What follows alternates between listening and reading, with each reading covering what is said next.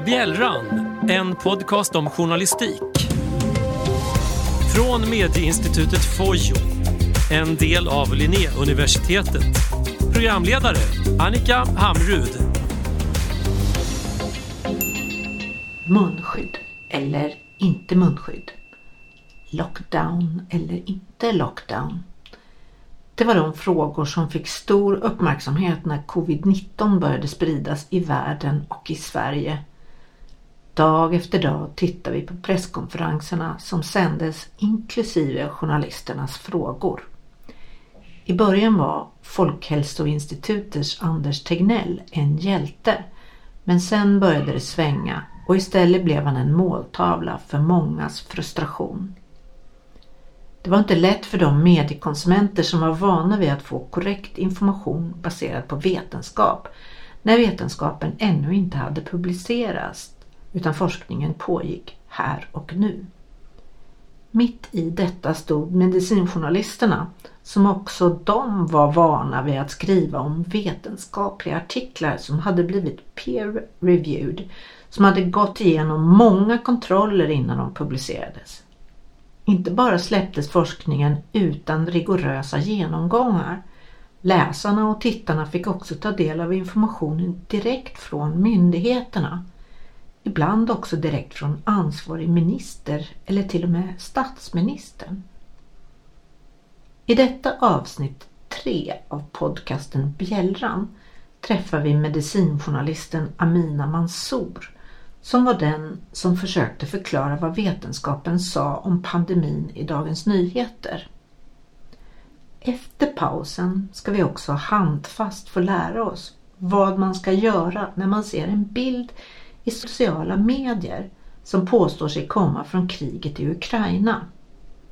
Det är journalisten Jonathan Lundberg som ger oss ett av de viktigaste fact-checking-verktygen som kan hjälpa oss att inte bli en del av en påverkanskampanj i ett smutsigt krig. Häng med! Hej Amina Mansour! Hej! Vi ska prata om hat som du har utsatts för i ditt jobb. Mm. När började det? Egentligen så började det nog faktiskt 2005 kommer jag ihåg att jag fick det första påhoppet. Mm. Då var jag på Svenska Dagbladet och skrev om att det var Lindex som hade en troskampanj som var med rumper och den blev anmäld till, eh, jag kommer inte ihåg om det hette så här Etiska rådet för reklam eller det hette något mm. liknande. Den blev i alla fall anmäld och då blev flera män väldigt arga på mig. För de trodde väl att jag hade anmält det. Vad var det de blev arga på då?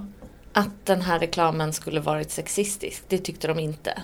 Nej. Det var inte jag som hade anmält vill jag ju liksom såklart säga. Egentligen skrev... skrev du bara om ja. en anmälan som hade skickats in? Ja. ja. Eller att den, ja, det var ganska många anmälningar den hade fått den mm. reklamen. Men fick, blev du hatad av den anledningen? Jag, jag, det var flera som hörde av sig och sa att de skulle se till att jag blev sparkad.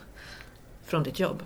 Ja, det som men, men annars var det inte så mycket hat så. Men, men jag, på riktigt tror jag nog att hatet började när jag 2012 tror jag skrev om antivaccinationsrörelsen som började växa sig lite stark i sociala medier då. Så jag ville egentligen skildra lite vad, vad som hände i sociala medier och hur diskuterades vaccin. För det var ju bara några år efter svininfluensan och Pandemrix-skandalen då när barn fick narkolepsi eh, efter att ha vaccinerat sig mot eh, eh, svininfluensa. Och då blev det, eh, men antivaccinationsgrupperna var ju små men de var väldigt duktiga på sökbordsoptimering och de var ganska bra på att skapa hemsidor. Det var i stort sett en person som skapade flera stycken som blev ganska ja, eh, de blev ganska besökta. Så jag skrev lite om det och då kom det antivaccinationsgrupper som började hata mig. Eh, mm. som, alltså, jag var en dålig person, jag var sinnebilden för den här journalisten som är köpt av läkemedelsindustrin. Som inte förstår och så. Men sen har det puttrat på sådär lite då och då i vissa men, men ämnen. vad var det du jobbade då någonstans? Då jobbade jag på en liten tidning som heter Läkemedelsvärlden som tillhör eh, Apotekarsocieteten, ideell förening som jobbar för läkemedelsanvändning i Sverige. Mm. Och det var ju också, tidningen är fristående, eller var den i alla fall då, det vet jag faktiskt inte hur det är längre. Men tidningen är fristående så att man gjorde ju ett journalistiskt jobb.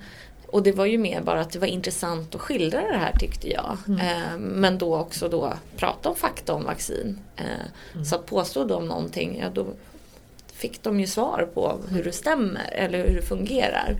Men då blev de väldigt arga. Men det var ju ganska få ändå. Mm, mm, mm. Men du, det var då du började att känna av det här hatet. Men hur har det gått sen då? Sen har det ju varit lite av och till beroende på vilka ämnen man skriver om. Ehm, jag skulle säga att vaccin har ju alltid varit en sån. Särskilt HPV-vaccinet när det, eh, mot livmoderhalscancer, när det började införas, eh, om det var 2014, någonting där omkring så 2015. Det var ju en lång segdragen upphandling så jag kommer inte ihåg vilket år. Så det försenades i Sverige. Men då har det liksom Skrev man om det så var det att man ville att eh, unga, man ville uppmuntra unga flickor, eh, eller egentligen barn, till att ha sex. Eller att man påstod en massa saker, att vaccinet var farligt, att de skulle bli sterila. Ja, man fick stå till svars för eh, när man skrev om de här sakerna. Men, men sen har det liksom puttrat på och sen så har det kanske varit eh, när jag började på Dagens Nyheter 2016, då blev det mycket tydligare.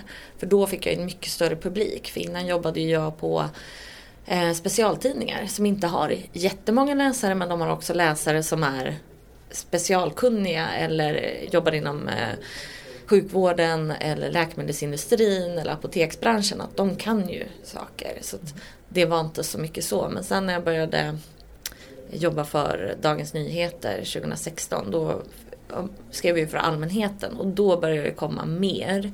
Men i vissa ämnen då. Och då var det särskilt kring kost. LCHF-anhängarna kunde vara aggressiva om man skrev någonting negativt om mättade fetter. Eller eh, som en dag eh, efter jag hade skrivit om socker eller myter om socker. Eh, om att det göder cancerceller eller att barn blir hyperaktiva. Då fick jag väl kanske en sådär ett par hundra hatmejl på en dag eh, när jag öppnade mejlen. Det var, det var ganska chockartat faktiskt. Bara för att du skrev om socker? Ja, och alltså, jag tyckte inte jag skrev några kontroversiella saker heller. Men det här var personer som då tyckte att socker är djävulen eh, och att det är absolut värsta och vi borde förbjuda socker. Och jag menar, socker är inte bra i stora mängder men det är inte heller det, det, det, finns lite möjlighet också för socker här och där. Men det var inte, jag var köpt av livsmedelsindustrin eller jag vet inte vad det var. De, på, de försökte få mig sparkad och de försökte allt möjligt. Eh, sa de. Sen vet jag inte hur mycket de gick vidare. Men många hade ju CC, att eh, min chefredaktör då, Peter Wolodarski. Det är kanske inte helt självklart för alla att eh, just vetenskapsreportrar är så hårt utsatta. Men eh, det har blivit värre de senare, på senare år. Ja, och jag tror att man tänker inte på det som ett av de här ämnena där det rör sig upp mycket känslor. För att vi skriver ju om studier och vi skriver om, ja så här ser kunskapsläget ut och folk kan tycka ibland att vetenskapsjournalister är lite torra och skriver om tråkiga saker. Men vi skriver ju om saker som också ligger nära människors känslor som kost till exempel eller andra saker som handlar om ens egen hälsa.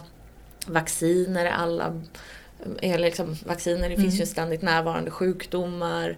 Men även klimat. Precis. Mm. Och där var det ju mycket mer, tror jag, en del påhopp och hat under ett tag tidigare. Jag, skriver, jag har ju inte skrivit jättemycket om klimatet mm. tidigare men nu börjar jag skriva mer om det och då märker jag av att det har börjat komma tillbaka och det har ju också mm. vetenskapsjournalister som jag pratar med säger att det blir mer. Ja, som jag har hört, jag pratade med Maria Günther som är vetenskapsjournalist på Dagens Nyheter.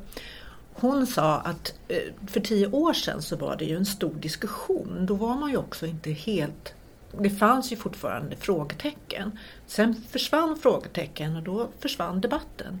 Men sen har den kommit igång och nu är det extremt mycket. Ja, och jag tror att en del av det beror på pandemin. Hur får man ihop det? Nej, men dels är det att pandemin har lite, inte bara pandemin, men tidevarvet när vi pratar om alternativa fakta och fakta och åsikter ibland värderas lika högt eller ställs mot varandra. Alla har rätt till sin sanning, eh, den diskussionen, man kan nå vem som helst, du kan hitta vilka studier som helst. Då blir det mer att studier och rapporter, hur mycket de än pekar i samma riktning kan du i stort sett alltid hitta någon som avviker. Och du kan också hitta likasinnande på ett annat sätt i sociala medier till exempel. Förut var du ju ganska själv. Mm. Så det, jag tror att det är lätt att hitta likasinnande nu. Det är lätt att nå andra med dina konspirationsteorier. Men sen under pandemin så har det ju varit väldigt mycket sammanblandning tycker jag av fakta och åsikter. Och där tyck, har jag ju sagt flera gånger också att jag tycker att forskare har bidragit till det här. Och det har de ju gjort genom att de har haft starka åsikter om hur pandemin ska skötas bäst. Och de har inte varit tydliga med vad som är baserat på eh, studier och fakta och vad som är baserat på deras egna åsikter. Och då har det ju blivit en debatt som allmänheten har fått se, en forskardebatt. Mm. På ett helt annat sätt än man är van vid. Mm. Maria Gunther faktiskt, hon beskrev det i en krönika som att vanligtvis är vi vetenskapens finrum, utställningshall. Mm. Vi ser saker som är där vi vet att det är bra att tvätta händerna, rent vatten är bra eller att vaccin eh, räddar barn från massa dödliga sjukdomar. Eh, men nu under pandemin har vi varit i vetenskapens verkstad att det är liksom rörigt och att det är motstridiga studier som kommer mot varandra, som står mot varandra och sen så liksom bearbetar man det här och sen kommer det till en konsensus. Men det har ju varit osäkert kunskapsläge och då har det blivit en hel del ska man säga att eftersom kunskapen har växt, då har ju också råden ändrat sig. Och det har ju gjort att folk har känt, nej men igår sa forskarna så här och nu säger de så här de vet ingenting. Man har kunnat spä på den här osäkerheten. Och tror du på en konspirationsteori så finns det studier som tyder på att du lättare trillar dit på andra. Och det, är liksom, och det finns ju ganska stark, alltså det har ju varit mycket konspirationsteorier under pandemin. Om eh, att Bill Gates ska ha velat eh, injicera oss med mikrochip eller att eh, ja, olika typer av att viruset skulle vara skapat i ett labb och den har ju fått lite mer eh, vad ska man säga, lite mer uppmärksamhet nu men än så länge så är det ingen riktig eh, eller det är en hypotes men den är inte liksom bekräftad på något sätt. Men, men det har varit väldigt mycket konspirationsteorier och att 5G eh, stolpar i stort sett sprider eh, viruset och så. Och trillar du dit på en konspirationsteori så, så, så, kanske det har blivit att ja, men, forskarna hade fel om det här, då har de säkert fel om klimatet också. Och klimathotet och klimatförändringarna påverkar oss väldigt mycket och diskuteras mycket nu. Så jag tror att det är det som har lett till att det ökar. Det skrivs ju mycket mer i media nu mm. också. Och då blir ju uppmärksamheten mer, större och sen finns det ju starka politiker som också ifrågasätter det. Mm, mm. Ja just det, det finns ju sådana som står i riksdagen och ifrågasätter klimathotet. Precis, och då, då blir det ju också att man skriver man om de här sakerna så blir det då att man får egentligen kanske några som då egentligen bara stödjer den här eh, riksdagsledamoten eller på mm. det sätt som hoppar på en. Men eh, hur gick det sen då? Om vi går tillbaks. Du säger att det blev mycket mer hot där. Eh, 2015, men hur blev det sen längre fram när pandemin kom? I början så tyckte jag nog att här, alltså första månaden alltså var det mer intresserad och nyfikenhet, eller folk ville veta allt. Men någonstans runt mars 2020 så blev folk väldigt rädda för då dog den första svensken. Och sen gick det ju ganska snabbt att det öka, fallen ökade kraftigt. WHO sa att det var en pandemi. Eh, världen stängde ner och Sverige gjorde inte det. Och många låg på sjukhus och många dog ju där mm. eh, mars-april. Och då blev det väldigt mycket mer hat. Eh, skulle jag säga. Jag, hoten har varit ganska få genom åren ändå. Det har varit några enstaka och det har varit inte sådär eh, överväldigande. Men haten och hånen, eh, mm. brukar vi också lägga till ordet hån. hån. Eh, men hatet kom där någonstans och sen så har det liksom följt egentligen pandemins utveckling lite. Mm. Att när det har varit många som har legat på sjukhus och dött, då har det blivit mycket mer hat och hån och den typen av påhopp. Och sen när det varit lite lugnare period, ja då har de sjunkit undan. Och det tycker ja. jag är väldigt intressant. Hur, hur yttrar sig det här hatet då? Dels så är det ju att ja, men man får höra att man är en dålig person, att man förtjänar att ja det här kanske är mer ett hot då, men att man förtjänar att dö. Man eh, är en, man vill att folk ska dö, man är okunnig, eh, jag är köpt, jag förstår ingenting. Varför är du så dum och korkad? Eh, och sen så en del, eftersom jag då har ett icke-svensk namn och jag har en bakgrund som inte är svensk så får jag en del också om att mitt språk eh, skulle vara dåligt. Och det kan det ju vara, att jag menar vi alla har ju men, men, men jag upplever inte att mina kollegor som har svenska namn får på samma sätt. Men sen också kan jag få en del om att jag ska skickas tillbaka eh, till det land jag kommer ifrån eller att jag har fått en del om att ja, men jag förstår inte demokrati för att jag inte kommer från en demokratisk eh, kultur. Ja, jag förstår inte riktigt. Är det mycket som du tror enbart kommer på grund av din bakgrund? Tror du att det liksom, de bara använder, utnyttjar det eller är det enbart det som gör att de hör av sig? Jag tror att de utnyttjar det lite. Men jag tror också att det är för att jag har varit där under pandemin. De har sett mig, de har sett bilder på mig, de har sett mina texter, de har sett mig höra mig prata i radio, jag har pratat i TV. Jag blir en sån tydlig bild för det de tycker har varit fel med pandemin. Och inte för att jag har tyckt alla de här sakerna men kanske till exempel för att jag har förklarat ja, men så här menar myndigheterna med rådet om till exempel med lockdowns där. Att mm. när man förklarade att ja, men det finns inte i pandemiplanerna. För att jag råkade ha läst dem för jag var intresserad av pandemier innan pandemin. Ja. Eh, jag, jag, och några få i Sverige, Anders Tegnell och Björn Olsen ungefär, nej ja. men inte riktigt, men vi var ganska få. Men i pandemiplanerna, lockdown är inte någonting som, som generellt finns på det sättet. Eh, och då var det många som tyckte där i början av pandemin, eh, mars, att Sverige borde stänga ner för det gör ju alla andra länder. Mm. Eh, och då när man pratar om, ja men så här ser kunskapen ut eller det här är vetenskapen kring, då blir det som att man är en del av Folkhälsomyndigheten eller att jag förklarar för dem att de inte har så mycket stabil vetenskaplig grund att stå på och då säger jag till dem egentligen att de har fel och då blir de arga på mig för det. Varför ger de sig på dig när det egentligen är Anders Tegnell som de är arga på? Jag tror det är ganska lätt att eh, nå mig. För att eh, det är klart att de mejlade nog honom också väldigt mycket. Mm. Men på tidningar så är det ganska lätt att bara klicka på ens namn och sen så kan man skriva ett mejl och sen så finns man ju i sociala medier. Och man kanske tror också att det här är en person som är närmre. Det är lättare att nå.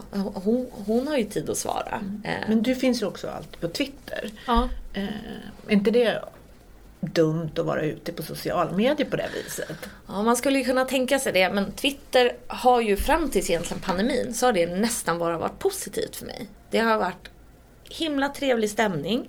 Jag har eh, fått kontakt med forskare och journalister från andra delar av världen och jag ser mycket spännande läsning, jag får väldigt mycket lästips där. Men under pandemin blev det mitt eh, viktigaste verktyg, arbetsverktyg, för att under pandemin så var det att du behövde dela kunskap väldigt snabbt. Mm. Och inom forskarvärlden och så här, det man gör är att man eh, skriver, gör forskning, skriver en artikel och skickar till en vetenskaplig tidskrift för publicering. Och det tar ganska många månader och det ska peer-reviewas, vilket blir granskat av andra forskare och sen publiceras den. Och då är allting genomgått och klart och det är liksom lite mer stabilt. Här så la man ut eh, sina studier direkt som preprints. Det är som en pdf av ett utkast till en forskning. Men innan man gjorde det så började man också diskutera forskningsresultaten på Twitter. Mm. Så att forskare diskuterade med varandra på ett helt annat sätt och jag fick tips där, eller snarare hur jag skulle förstå och tolka studier på ett helt annat sätt än vad jag hade kunnat göra om jag bara hade suttit och väntat på de här studierna. Mm. Så jag behövde vara där. Plus att jag fick jättemycket frågor från läsare från, jag, jag live-twittrade en del från WHOs presskonferenser i början för att andra han inte se dem och då fick jag ja, men det var ett sätt för mig att anteckna utan att, eh, liksom, men att förstå dem. Mm. Så, att, så Twitter blev ett jätteviktigt verktyg för mig. Eh, och det, men sen blev det då också ganska mycket påhopp och hat där. Mm. Mm. Och en del hot, men inte så mycket. Nej. För där är man ju öppen. Ja. Men, men, men hur var det då sen när du jobbade på Dagens Nyheter? Hur, hur fungerade det på redaktionen? Fick du stöd av dina arbetskamrater? Fick du stöd av chefen? Alltså, eh, det stora problemet var väl att min chef slutade. Alltså första halvåret hade jag jättebra stöd men sen slutade den chefen och då dröjde det ett litet tag innan jag fick en ny chef. Och den chefen hade mycket annat att göra och där fick jag inte stöd utan där fick jag i stort sett höra att ja, men det är väl bara att ta bort Twitter. Då. Okay. Eh, så det, där kände väl jag att jag inte fick stöd. Sen hade ju liksom kollegor, alltså, man stötte ju varandra mm. på ett bra sätt. Men man satt ju hemma. Och då såg man ju inte varandra och det är inte det första man berättar för någon att man blir påhoppad. För man känner sig ändå alltid lite skyldig när man blir det. Mm. Man känner att jag kanske har gjort något dumt, jag kanske sa någonting dumt. Varför gjorde jag det här? Varför skrev jag det här? från min närmsta kollega då, Maria Gunther, mm. vi hade ju väldigt mycket kontakt och mycket stöd och, mm. eh, mot, för varandra för att hon fick ju också liknande. Mm. Eh, hon skrev inte lika mycket om pandemin där ett tag och så men hon har ju skrivit om klimatet och mycket annat och sen när hon behövde också växla upp och skriva om pandemin som, som alla mm. gjorde då mm. så blev det ju också en del mot henne. Men eh, samtidigt så drevs det då ganska tydlig linje på ledarredaktionen som gick emot Folkhälsoinstitutet. Hur funkade det för dig?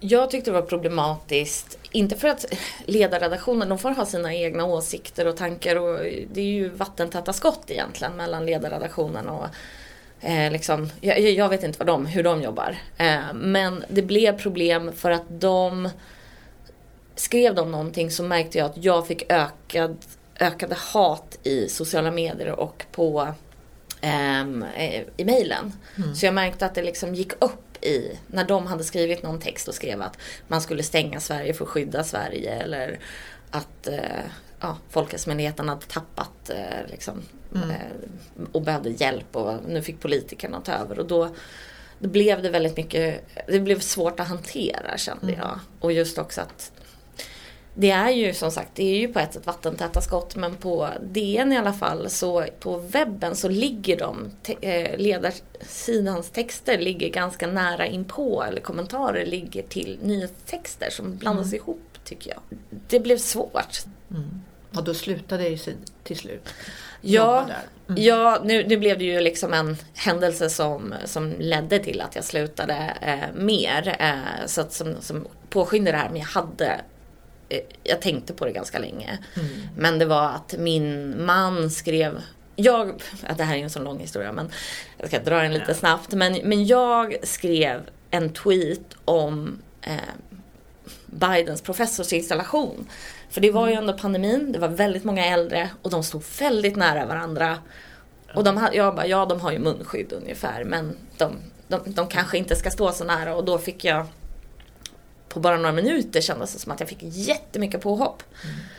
Då kände jag att nej, men jag måste ju begränsa hur, vilka som får svara mig för det här går ju inte. Jag kan, jag, jag kan inte hålla koll på det heller. Jag har ju ett ansvar också att hålla mm. koll på mina trådar. Och, och så skrev min man, han, var, han såg hur dåligt jag mådde och hur mycket påhopp jag fick och han skrev eh, på Twitter en tråd som jag inte visste om att han skrev. Men det, det som, där han i stort sett mer eller mindre sa att ja, men det här är för att ledarsidan på DN mm. håller på som de gör. Att de har hetsat upp stämningen. Och då blev jag kallad till eh, ett möte med HR. Eh, och jag blev uppringd på min lediga dag för jag var tjänstledig deltid då för att skriva, eh, skriva bok. Hej, vi måste prata om din mans twittrande. Vi har ett möte på tisdag och sen har jag ingenting förrän på tisdagen. Så jag trodde jag skulle få sparken då. Så då, då blev det också att nej men jag vill inte jobba kvar här. Och sen det mötet kände jag mig otroligt anklagad för att det skulle vara att jag var ansvarig för vad min man skrev eller att vi, mm. eller snarare att han styrde mig eller jag förstod inte. Det var bara mer, men jag har inte sagt de här sakerna. Nej. Och då kände jag, nej men nu, ville inte jag jobba kvar här. Så då gick det väl en vecka och jag funderade på det, sa upp mig och sen så blev det offentligt en vecka senare. Ja, det blev ju ganska starka reaktioner. Det blev väldigt starka reaktioner och det är ju liksom många, jag ville ju inte riktigt, jag visste inte om jag ville prata om det heller för jag skämdes ju också och tyckte det var jobbigt där och sen så eftersom jag ändå skrev en bok så tyckte mitt förlag, men du kan väl ha det i din bok. Mm. Så jag pratade ju inte om det där förrän min bok kom ut så att det var mycket spekulationer innan mm. och om att jag då sa upp mig för att Peter Wolodarski inte stod upp mot hat och hot mot journalister för det var ju också dagen innan, eller om det var samma dag tror jag, jag kommer inte ihåg, så var det ett avslöjande från Sveriges Radio. Som var att eh, det fanns en grupp som försökte påverka opinionen och som då skulle vara som en eh, myggsvärm mot journalister bland mm. annat. Och jag känner ju igen mycket i det här. De hette Mi, Mid... Mivas, eh, Media Watchdogs of Sweden. Och jag vet ju inte alls om det är de som har varit Eh, på mig. Det kan jag ju inte säga, det, det, vet jag ju inte. Men det kändes som att deras arbetssätt var väldigt likt. Mm. Men det var också att det avslöjandet fick ganska mycket kritik. Eh, vissa tyckte att ja, men det här är så här får man ju, det här är opinionsbildning. Mm. Och Peter Wolodarski gick ut och sa att hat och hot mot journalister i stort sett är alltid fel. Men, eller hat och hot är alltid fel. Men det här är också påverkan och det är en del av ett demokratiskt samhälle. Och då trodde många att jag sa upp mig på grund av att mm. eh, jag hade då blivit trakasserad av, kanske blivit trakasserad av Mevas och eh, tyckte att min chef då mm. sanktionerade det. Och jag kan ju säga att jag blev jättearg på hans, eh, mm. eh, när han gick ut och sa så. Men då hade jag ju sagt upp mig en vecka innan. Det var att det ja. blev offentligt ändå. Ja. Det var en slump. Det, det tog inte så lång tid innan du fick ett nytt jobb. Nej, det är faktiskt det första jobberbjudandet kom 20 minuter efter jag hade sagt upp mig. och det visste ju inte jag för jag kände att nej men jag tycker inte att det är värt att vara kvar. Jag, det får bära eller brista. Vi kollade igenom ekonomin, såg så här, ja men ja, då, om jag är arbetslös, ja då får det vara så. Jag kan jobba med annat. Man måste inte vara journalist heller, tänkte jag. Nej. Men sen fick jag så många spännande, roliga erbjudanden och hamnade på Expressen. I samma hus? Ja, precis. precis. Samma arbetsgivare ja. på det sättet, alltså paraplyorganisation. Ja. Men, men, men här är det annorlunda tycker du? Jag tycker att det är väldigt eh, stor skillnad här. Jag tror eh, delvis så har jag ju fått en väldigt tydlig roll. Eh, jag tycker att man gör mycket större skillnad på vad ledarsidan, de, de, jag vet faktiskt inte ens var de sitter här i lokalerna. Eh, men det är bara att jag inte har gått omkring så mycket för det har ju varit en pandemi fram mm, tills i mm ja, februari fick man inte vara här så mycket. Men, men också att vi har en chefredaktör som inte eh, skriver så mycket opinion. opinion. Mm. Mm. Och det tycker jag eh, känns väldigt tydligt faktiskt. Mm. Sen så tycker jag att Expressen är ju en stor tidning, de har ju många fler läsare. Men de har också gjort, eh, man gör ju mycket journalistik som eh, kanske tänjer lite på gränserna eller som är man avslöjar ju väldigt mycket, mycket granskande journalistik om Sverigedemokraterna. Mm. Så man är van vid hat och hot och viss påverkan tycker jag. För mm. det kändes som att det finns ett maskineri där på ett helt annat sätt. Mm. För jag blev eh, för ett år sedan ungefär, eh, hösten 2021, så skrev jag en tweet om en studie som var dålig. Eh, men den råkade handla om munskydd och det är ju ett väldigt polariserat ämne. Och eh, sen gick jag in och faktiskt eh, ledde en kurs i vetenskapsjournalistik för FOJO. Mm. Och, när, och vi hade den, det som ämne och sa att jag ska ta upp det här på dagens kurs. Och vi diskuterade den studien mycket. Och hur man skulle rapportera om den och vad var det för fel, varför var det brister i den. Så kom jag ut från, eller tittade jag på Twitter sen där och hade flera hundra meddelanden kändes det som. Jag vet inte hur många det var. Men där det liksom började med att jag, men, jag var dum i huvudet, jag var köpt, jag, var, jag vill att folk ska dö. Jag är, en, eh, ah, jag är sämst eh, och sen så blev det att jag, sen slutade det någonstans med att, det var, att jag var okunnig om demokrati. Eh, det, för att jag, min familj är inte från Sverige. Ja. Eh, ja, sen har man ju inte koll på det liksom. Exakt, vad, de vet ju inte var jag kommer ifrån heller. Men, men mer bara att det var liksom, det blev, och sen fortsatte det hela helgen. Usch. Ja, det var ganska sådär. Men då tror jag, jag kommer inte ihåg om jag skrev någonting eller om det var att det tog eh, ja, det tog inte lång tid innan en chef hörde av sig och sa hur mår du? Är det okej? Okay? Det här verkar obehagligt. Kan du skicka några exempel på det här eh, till vår säkerhetsansvariga så att de har koll? Behöver du prata med någon? Och sen så satte liksom ett helt maskineri igång. Mm. Det kändes jättetryggt för då, jag kände mig ofta ganska ensam på DN. Mm. Men det, det gör jag inte här. Nej. Och jag tror ju bara som sagt att det kan ha varit att DN blev tagna på sängen av att vetenskapsjournalistiken också var eller att det var fel chef jag pratade med om just mm. att jag blev men, men du säger vetenskapsjournalistiken, det, var, det har varit andra ämnen som förut har triggat? Ja, men eh, vissa politiker, SD är man ju van vid, migration, eh, feminism ibland. Att de ämnena, mm. man, är, man är ganska van på redaktioner att vissa ämnen är de här klassiska. Mm. Så man har liksom en förberedelse nästan. Mm. Man, jag tror att eh, är det Charlotta Friborg på SVT som brukar prata om att man planerar för mod. Mm. Mm. Det har man inte gjort med vetenskapsjournalistiken men jag tror att vi också blev lite chockade över att, jag tror vi behövde ju dels, vi vetenskapsjournalister behövde ta en större plats under pandemin. Mm. Eh, vi behövde skriva mer snabbt och här och nu och rapportera om sånt som hände. Vi var också tvungna att förklara den vetenskapliga processen som sagt. Och då blev vi ju också mer måltavla på det sättet. Eh, mm. Det är ju inte, jag är absolut inte den enda som har drabbats ehm, sådär. Jag vet ju också att de journalisterna som granskade den här Media Watchdogs of Sweden, eh, Mevas, att de fick en del. Eh, mm. Och där blev det ju, men där blev det också diskussioner i, i medier om det här var en bra granskning eller inte. Precis. Det blev ifrågasatt på, på många sätt. Mm. Men eh, helt uppenbart så triggade den diskussionen också väldigt mycket hat. Ja, ja men mm. precis. Tack. Tack så mycket.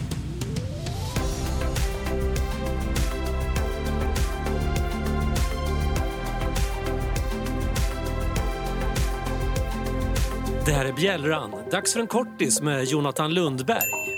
Strax före presidentvalet i Frankrike 2017 så hackades personer kopplade till Emmanuel Macrons eh, valkampanj. Två dagar före valet så läcktes deras mejl ut på internet, upp mot 20 000 mejl. Och de flesta av de här mejlen verkade vara äkta, autentiska. Men bland mejlen så verkar hackarna också ha fört in några falska mejl som då skulle vilseleda journalister och andra som eh, gick igenom de här mejlen, som läste dem. Och det här är ett ganska klassiskt exempel på en så kallad hack and leak-attack. Man hackar fram en stor mängd dokument, läcker dem öppet på internet, men bland dokumenten så kan det finnas några som är fabrikerade och de får då större genomslag eftersom resten av mejlen eller dokumenten verkar vara äkta.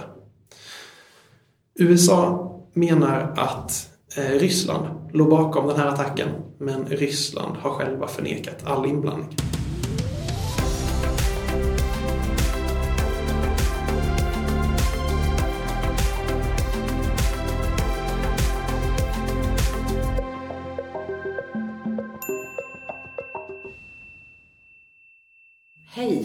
Jonathan Lundberg. Hej. Vi ska prata om bildsök. Mm. Vad är bildsök och varför behöver man kunna det? Ja, men det vanligaste är att vi söker efter bilder genom att skriva in text hos Google och så ger de oss förslag på vilka bilder det kan ha varit vi var ute efter. Men sen har vi det som kallas för omvänt bildsök som jag tänkte att vi ska fokusera på här idag, nämligen att man söker med hjälp av en bild. Och så får man då förslag på liknande eller identiska bilder. Och på det sättet så kan vi ta en bild som sprids i sociala medier just nu som påstås komma från exempelvis kriget i Ukraina och påstås visa någonting som händer där just nu.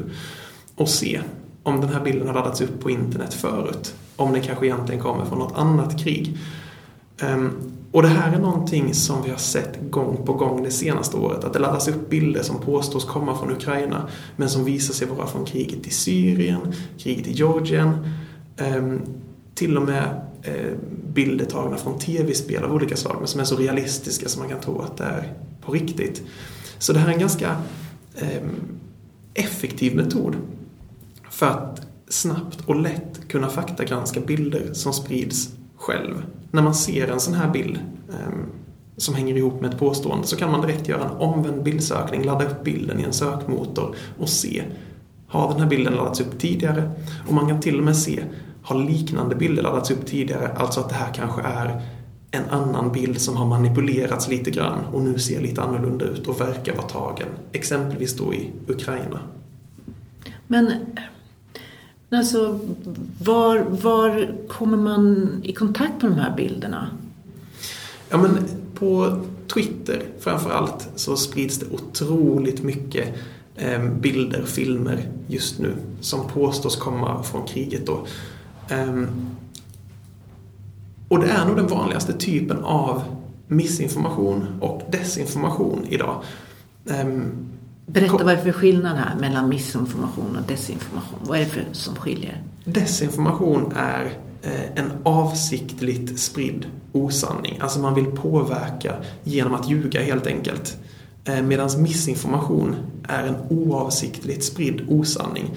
Alltså att man tror att någonting är sant och sprider vidare det. Mm. Men så visar det sig vara falskt. Mm. Så om det är någon av mina som jag följer på, på Twitter som plötsligt sprider en sån där, då är det troligtvis missinformation för att ja. de är troligtvis inte eh, anlitade av någon makt för att lura oss. Nej, precis. Så eh, i ett krig så kommer ju båda sidor att ägna sig åt desinformation på olika slag och det som bara traditionellt sett har kallats för propaganda. Ehm, både Ryssland och Ukraina kommer kom i olika eh, utsträckning att ägna sig åt detta. Man laddar upp ehm, bilder och det kan handla om från, eh, från Rysslands sida, att man vill skrämmas, man vill sänka motivationen i eh, Ukraina, stridsmoralen, man vill visa att det går dåligt för Eh, Ukraina. Och från Ukrainas sida tvärtom, där man vill visa att det går bra, man vill lyfta fram hjältar. Eh, som den här eh, myten nästan som, som, eh, som fick fäste i våras om eh, The Ghost of Kiev. Eh, den här piloten som skulle ha skjutit ner otroligt många eh, ryska stridsflygplan och han blev en symbol för det ukrainska motståndet. Just en hjältesymbol som, eh, som andra soldater skulle se upp till och ta inspiration utav... Och, och, och, finns han? Nej men det var ju det det visade sig så småningom. Att eh, med största sannolikhet så hade han aldrig funnits. Ja. Inte på det sättet han beskrevs. Eh, finns det någon sanning i det? Finns, eller är det bara påhitt? Det vet jag faktiskt inte. Alltså jag har inte så bra koll på det. Jag vet bara att eh, den, den stora mytbildningen mm. eh, var, stämde helt enkelt inte överens med verkligheten. Eh, det fanns ingen motsvarande pilot. Eh, men då var det just att det hade spridits bilder och filmer, exempelvis från eh, tv-spel, exempelvis från andra krig som visade ehm, en pilot som visade mm. flygstrider men som då inte alls kom från Ukraina och som inte alls visade det här Nej. spöket av Kiev. Um, och det där bara några exempel på det. För sen finns det också just den här eh, missinformationen. Um, alltså människor som delar vidare bilder. Ehm, Carl Bildt exempelvis delade vidare, eh, jag tror det var ett par olika bilder som han menade då visade ehm, kriget i, kriget i Ukraina och skrev att det här är bilder som vi aldrig kommer glömma. Ehm, men det visade sig att de inte alls var tagna i år. Och genom att göra en omvänd bildsökning då, att man, man tar bilden och så finns det fyra sökmotorer. Man kan använda Google som vanligt. Så finns det intill sökrutan en, en ikon som man kan klicka på för att ladda upp en bild och söka med den istället. Um, det finns också en sökmotor som heter Bing som ägs av Microsoft. Och vi har eh, Yandex eh, och vi har Tinai. Kan du berätta, säga hur de här stavas? Jan... Ja, Yandex är då Y-A-N-D-E-X. Mm. Och Bing, B-I-N-G. Och så har vi Tinai som är T-I-N och sen E-Y-E. Mm. Och Tinai är den som är eh, mest specialiserad på just eh, bildsökningar. De andra är eh, sökmotorer i, i den breda betydelsen men Tinai är just specialiserade på att söka efter bilder. Så man, man laddar helt enkelt ner bilden som man har stött på på Twitter eller Facebook eller Instagram och så laddar man upp den i någon av de här sökmotorerna och så ger de förslag då på bilder som liknar den eller som ser exakt likadana ut. Och då kan man också sortera efter de äldst uppladdade bilderna. Och då kan man ofta se att den här bilden som påstods vara tagen i Ukraina i maj 2022 var egentligen tagen eh, någon helt annanstans 2018. Mm. Eh, så var fallet med en eh, en, en bild jag minns särskilt tydligt som spreds i början av kriget. En, en kvinnlig ukrainsk soldat som satt med en, eh, i skyttegrav med en, eh, såg ut att vara någon sorts skyttegrav i alla fall, med en katt på, en katt på axeln. Eh, och hon såg väldigt glad ut och gosade med katten då. Och det, den, den blev då viral. Och budskapet var att dels titta vad humana de ukrainska soldaterna är och dessutom någon sorts glorifierande av livet vid fronten. Att de har tid att mysa med katter, de ser glada ut, att det är ganska lugnt ändå. Och det blir ett sätt att inspirera andra soldater att komma och ansluta till det här. Liksom. Mm. Det, är inga, det är inga eh, större problem. Liksom. Vi, vi har gott mod. Mm. Ehm, det är inte så eh, fasansfullt vid fronten som man kan tro. Mm. Eller som det faktiskt är. Ehm, för när man sen sökte på den här bilden genom att göra just en omvänd bildsökning så kunde man se att den här laddades upp första gången 2018. Mm. Att det var inte alls kopplat till kriget. Nej. Eh, det var en ukrainsk soldat men inte alls kopplat till det nuvarande kriget. Ehm, och då kan man fråga sig, spelar det egentligen ehm, någon roll om den är sann eller inte? Ehm, för mig som journalist gör det åtminstone det. Eh, för att sanningen har ett egenvärde i sig självt. Att eh, man kanske kan säga att vill man att Ukraina ska vinna kriget så, så kanske ändamålen helgar medlen. Eh, att en sån bild är inte är så farligt. Eh, men sanningen har ju ett, eh, ett egenvärde och det här förekommer i så många olika fall. Där det i många fall faktiskt har stor betydelse om en bild är äkta eller ej. När det påstås att en viss byggnad har sprängts, att ett visst eh, krigsbrott har begåtts och man faktiskt då kan se att den här bilden verkar faktiskt komma från den aktuella konflikten. Eller den här bilden verkar faktiskt komma från en konflikt 2014. Så, så det kan faktiskt spela um, otroligt stor roll. Mm. Och med ett sånt här enkelt verktyg så kan man så snabbt uh, verifiera eller falsifiera mm. uh, påståendet kopplat till bilden. Mm. Jag tänker särskilt, det här känns ju lite, det här med katten och så, det kanske inte det för mig spelar så stor roll. Men, men det är skillnad när det handlar om, om eh, krigsbrott. Mm. När, när, när, eh, som vi ju tyvärr troligtvis kommer få veta mycket mer om längre fram. Mm. Då blir det otroligt viktigt. Ja. Och, och, man kan se precis samma sak från den, eh, från den ryska sidan, eller åtminstone från Eh, Eh, från de som vill att det ska gå bra för den ryska sidan i kriget. Eh, att de sprider precis liknande eh, material. Också i början av kriget, bara de första dagarna, så spreds det en film på TikTok som fick 6,2 miljoner visningar. Nej, det var nog mer än så till och med, men det var många, många miljoner visningar som visade en rysk fallskärmsjägare som, som Eh, hade hoppat från ett plan precis och skrattade och ropade till sina kompisar och såg väldigt, väldigt glad ut. Ehm, men då kan man också göra en omvänd bildsökning, nämligen att man tar en, eh, en skärmdump eh, på hans ansikte, exempelvis i filmen eller på någon annan nyckelscen och söka med hjälp av den och se om den har laddats upp tidigare. Mm. Och när journalister faktagranskar detta kunde de faktiskt se att den hade laddats upp redan 2015, 2016. Eh, så den kommer inte alls från det aktuella kriget. Men det blir ett sätt att glorifiera soldaternas situation. Att ansluta er till kriget. Eh, det är inte så fasansfullt. Ni kan vinna ära, ni kan eh, vinna kamratskap, ni, ni strider ihop med andra. Eh, Medan när soldaterna väl anländer till en krigszon så är det en helt annan verklighet de möter. Men då är det eh, för sent. Så det blir ett sätt att, att glorifiera kriget. Så på det sättet kan ju även sådana ganska ofarliga eh, budskap faktiskt få förödande konsekvenser för individer som vilseleds av dem. Mm. Är det många som använder bildsök, tycker du? Bland journalister har det nog blivit ganska etablerat nu. Men jag tror att eh, i allmänhet är det nog inte allt för många som vet att man kan göra det. När man väl vet det så är det jättelätt att göra. Men många vet nog inte att möjligheten överhuvudtaget finns. Det kan bli något av en ögonöppnare att när man väl har testat på det mm. så blir det lite av en vana.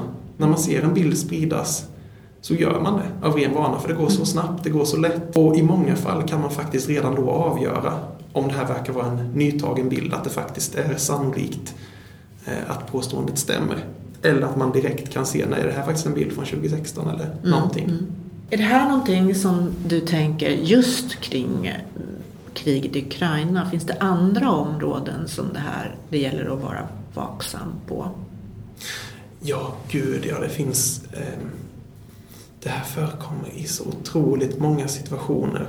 Speciellt nu när inte minst ungdomar har lämnat de här textbaserade sociala medierna som eh, Facebook och Twitter i hög utsträckning och istället spenderar mer tid på eh, Instagram, eh, Snapchat, TikTok, ehm, Youtube, Twitch.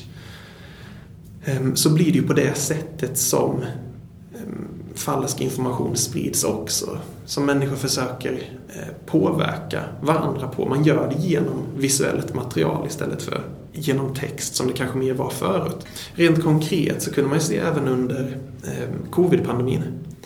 För om man ser till internetmiljön så är det mycket som upprepar sig mellan pandemin och kriget i Ukraina. Att man kunde se även då hur bilder spreds som påstods visa en viss sak. Som exempelvis påstods bevisa att Eh, pandemin var planerad. Det påstods att den var planerad av en eh, elit och bilder och filmer spreds som påstods bevisa detta på olika sätt. Men om man kollade upp de här bilderna närmare så var de tagna i helt andra sammanhang. Ehm, de var tagna långt tidigare, det var inte i kontexten av pandemin för att sammanfatta ett, ett väldigt stort skeende väldigt kort. Att under pandemin så spreds just den här tanken inom vissa grupper om att eh, pandemin är eh, planerad av en eh, västerländsk elit för att de ska kunna införa olika typer av restriktioner och kontrollera befolkningen. Och när kriget i Ukraina bröt ut så, och pandemin var över så var det inte så att de här konspirationsteorierna försvann. Utan istället utvecklades de. Att man påstod att i Ukraina så hade eh, bland annat USA eh, biolab där de höll på att ta fram ett nytt virus för att återigen då kunna kontrollera befolkningen. Så efter covid skulle det komma en ny pandemi. Och nu gick Putin in i Ukraina för att eh, sätta stopp för detta. Så det som de ehm, konspirationsteorierna som spreds under covid försvann aldrig utan har bara flyttats över till kriget i Ukraina. Och i, i många fall så är det samma individer, samma grupper som sprider vidare de här eh, nya felaktigheterna. Och de gör det med samma metoder och i samma nätmiljöer som förut. Ja, det låter som att det är en bra idé att få det som en vana, att skaffa sig den vanan. Att eh, bild kolla eller vad ska man kalla det? Bildsöka? Ja, men bildkolla är, ingen, är inget dumt begrepp alls. Och, och, och jag tycker precis det, man kan, man kan testa med, eh, med nästa, nästa bild man stöter på, nästa bild man ser i en eh, tidningsartikel, nästa bild man ser i sociala medier, bara för att känna på det. Gå in på en av de här sajterna, hitta den där ikonen som visar bildsöket. Oftast är den precis till höger om sökrutan där man skriver in eh, vanliga sökord så finns det en, en, en liten ikon, kanske en kameraikon eller liknande, som visar bildsök. Eh, så bara ta en bild, testa på det. Ehm, för det är väldigt, väldigt lätt. Och när man väl vet att man kan göra det, så nästa gång man ser en sån här märklig bild som, som sprids. Ehm, det spreds också en bild som påstods visa att eh, ehm, att ett, ett, ett kärnkraftverk i Ukraina hade bombats på ett sätt som att nu, nu sker eh, en härdsmälta. Nu, mm. eh, det här kommer sluta illa. Men när man gjorde en omvänd bildsökning så kunde man också se att det här är en gammal bild tagen i ett helt annat sammanhang. Om man inte hade haft den möjligheten så är det klart att man blir rädd direkt Mm. när man ser en sån bild. För att det skulle få så förödande konsekvenser Mm. om det faktiskt visar sig vara så.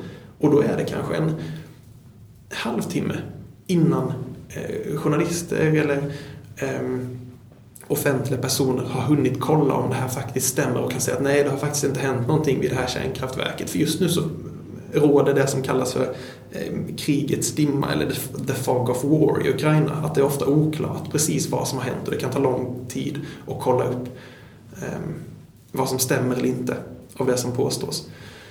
Ehm, men med de här enkla verktygen kan man faktiskt själv göra snabba faktakollar under den tiden när osäkerhet råder.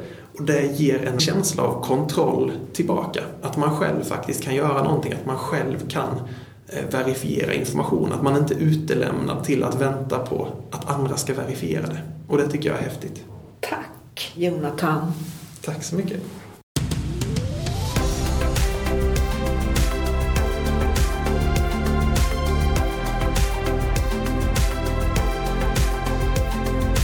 Du har just hört ett avsnitt av Bjällran, en podcast om journalistik. Från Medieinstitutet Fojo, en del av Linnéuniversitetet. Vill du komma i kontakt med redaktionen? Mejla i så fall till bjallran.fojo snabel-a lnu.se